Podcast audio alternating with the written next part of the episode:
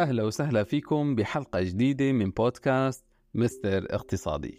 معكم أنا أحمد نصري واليوم عنا موضوع مثير للمناقشة هو مفهوم العولمة في الاقتصاد. خلينا ندخل بالتفاصيل.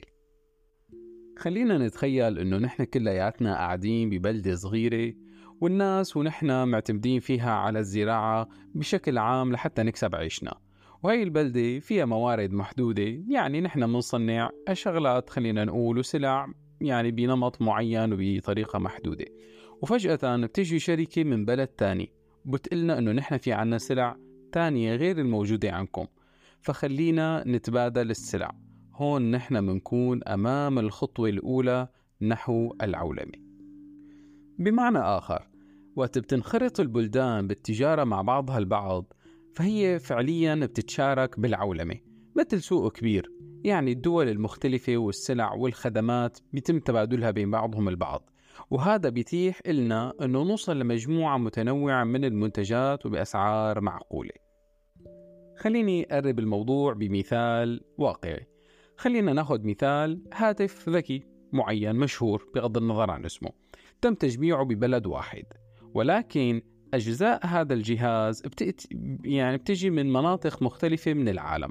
يعني مثلا ممكن تكون الشاشة مصنوعة بكوريا الجنوبية وشريحة الذاكرة مثلا ممكن تكون باليابان والبطارية من الصين. وبيتم شحن هالأجزاء لمصنع التجميع وبالنهاية بيوصل لإيدك هي هي العولمة في العمل. طبعا حتى الدول لها دور كتير كبير بموضوع العولمة. فتلاقي الدول أحيانا بيتفقوا مع بعضهم وبيتفاوضوا على اتفاقيات تجارية لحتى يعززوا موضوع تبادل التجاري أو تدفق السلع والخدمات عبر الحدود. فمثلا على سبيل المثال إذا بنتذكر اتفاقية التجارة الحرة لأمريكا الشمالية نافتا يلي ربطت اقتصاديات الولايات المتحدة الأمريكية وكندا والمكسيك مع بعضها. من خلال أنه فتحوا الحواجز التجارية وفتحوا فرص جديدة للشركات والمستهلكين بهالبلدان هي. مو بس الحكومات حتى الشركات إلها دور كتير كبير بموضوع العولمة.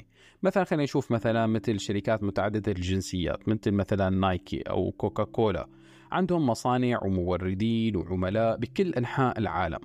هي الشركات بتنتج السلع ببلد معين وبتنقلها لبلد آخر حتى تغلفها وممكن تبيعها عالميا.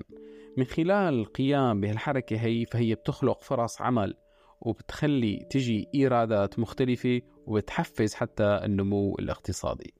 ولكن في نقطة كتير مهمة أنه العولمة مو فقط متعلقة بالتجارة. أيضا العولمة تتعلق بتبادل الأفكار والمعلومات والتكنولوجيا. خلينا نفترض نحن وياكم إنه في شركة تكنولوجية بوادي بوادي السيليكون بأمريكا. عم تطور آه، منتج معين وابتكار فريد من نوعه.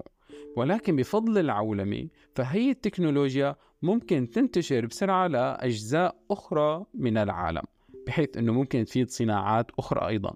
وبتحسن الحياة وممكن تعزز الإنتاجية وتحسن مستوى النمو والاقتصاد على مستوى العالم بهالطريقة. طبعا لازم آه، ما نقيم من بالنا إنه العولمة لا تخلو من التحديات. هي صح بتجيب كثير من الفوائد ولكن بنفس الوقت ممكن تؤدي إلى عدم المساواة الاقتصادية.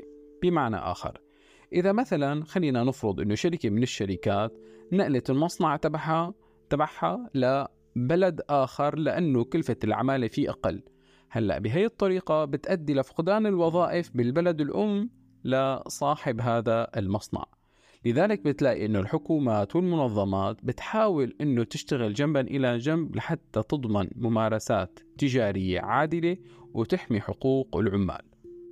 يعني باختصار تشبه العولمة سوق عالمي بتتفاعل فيه الدول، الحكومات، الشركات وبيتم تبادل السلع والخدمات والأفكار.